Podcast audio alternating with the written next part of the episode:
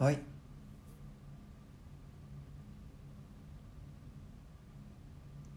Pranayisme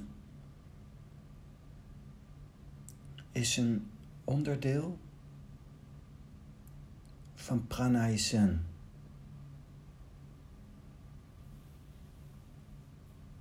En de asana van Pranayzen is je intentie van zijn. De asana is een houding. In de yoga, hatha yoga, is asana een specifieke houding die je lichaam uh, aan kan nemen als reflectie. Reflectie om jezelf te verfijnen, om jezelf te zien, jezelf tegen te komen. De asana van pranay sen is je intentie van zijn.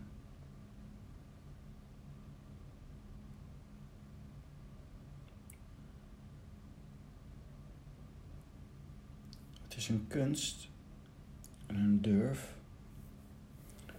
om je godservaring, je meditatieervaring of je verlichting te delen.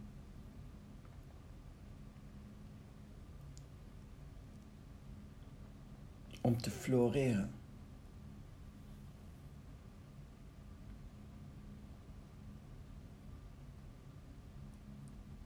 Genieten van het goddelijke is je geboorterecht.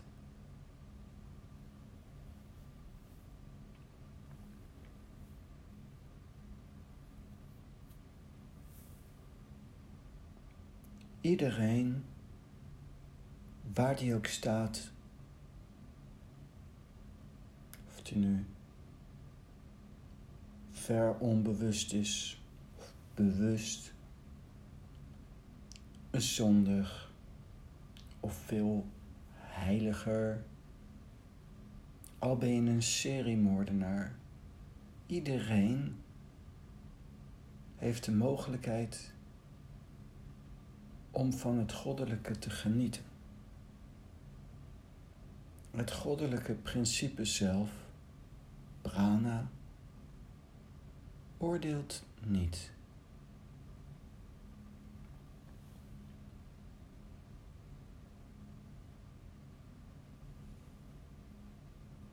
Het is een kunst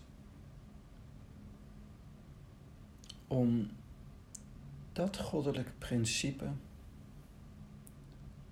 te leren kennen en in contact mee te zijn.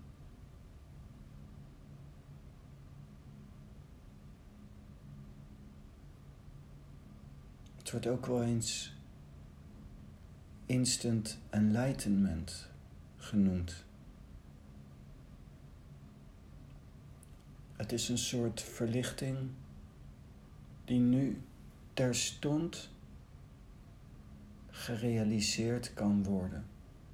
Nu.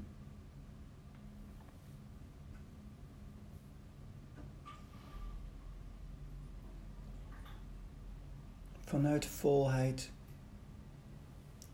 vanuit die vreugde, schuif je steeds meer op naar grotere vormen van vreugde. Dat is de vreugdevolle weg.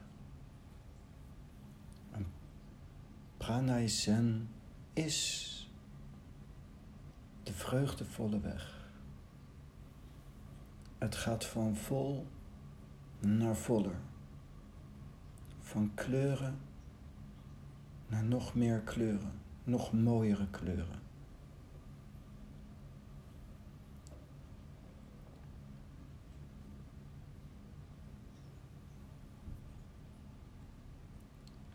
Er was eens een Japanse zenmeester, Hakuin, Hakuin Zenji.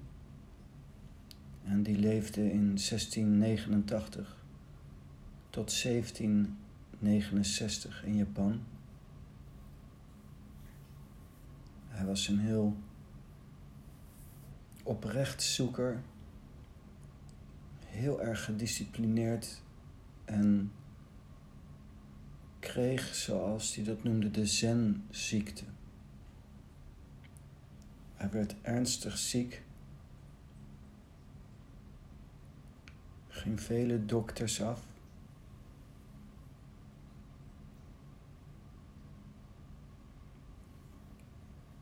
Ging naar veel spirituele mensen, maar niemand kon hem helpen. Op een gegeven moment kwam die een uh, meester tegen Hakuju. En die leerde hem de botermethode, een specifieke meditatie.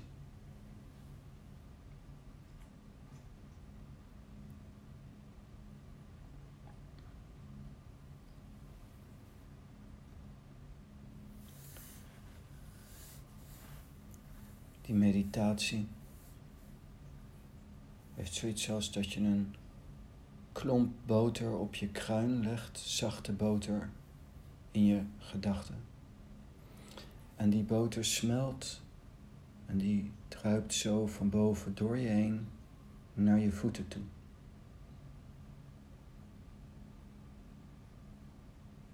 En het geeft een bepaalde vervulling, een bepaalde zachtheid en een bepaalde volheid.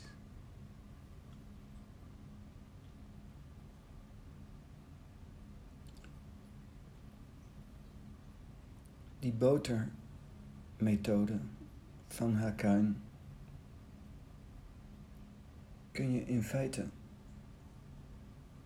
ook realiseren door van volheid naar grotere vormen van volheid te groeien. De vreugdevolle weg. Niet bezig zijn primair met extreme vormen van askese, maar bezig zijn met vol van zijn, vreugdevol zijn. Daarom noem ik het pranayisme, de prana ook tantrisch zen. Zoals ik eens in een gedicht heb gezegd, je groeit en je wordt alsmaar groter. Tot je op een dag zo groot geworden bent dat je niet iemand kunt zijn. Dat staat op bladzijde 64 van mijn boek Gewoon zijn.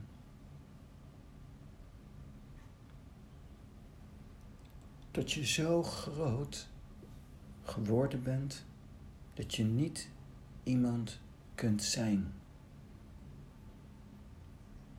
Vol van jezelf, vol van vreugde, vol van extase, extatisch in prana, zodat je wezenlijk niet een enkele behoefte hebt om je zo op de voorgrond te profileren. Om specifiek iemand of iets te zijn. En dat niet iemand kunnen zijn is een grondslag en, en een belangrijke grondslag voor de flauwering de asana van pranay zen is je intentie van zijn om je godservaring te delen. Moet je eigenlijk ook eerst niemand zijn.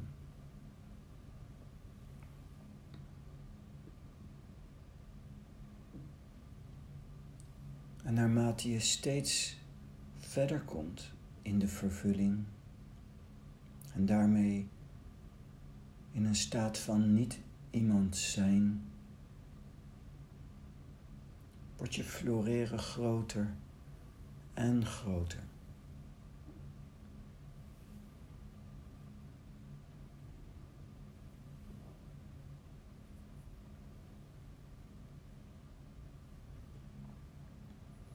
Een grote inspiratiebron van mij is moeder Teresa.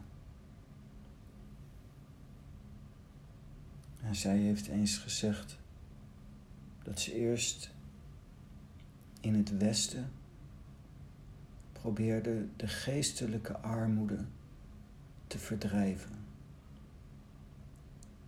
Ze kwam aan met een Bijbel, maar niemand wilde haar Bijbel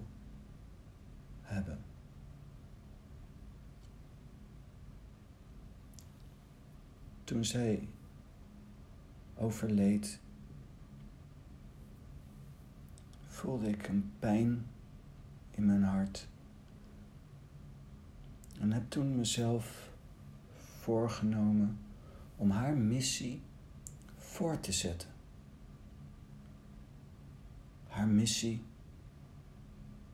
die ze in het Westen wilde, de geestelijke armoede verdrijven. Ik ben toen gaan mediteren op het feit waarom. Waarom bereikte ze de mensen in het Westen niet? En ik denk dat de reden is dat ze niet haar godservaring deelden. Vandaar dat de missie van de Pranay Zen is om dat wel te doen. Je vreugde, je volheid, je vervulling te delen met de mensen.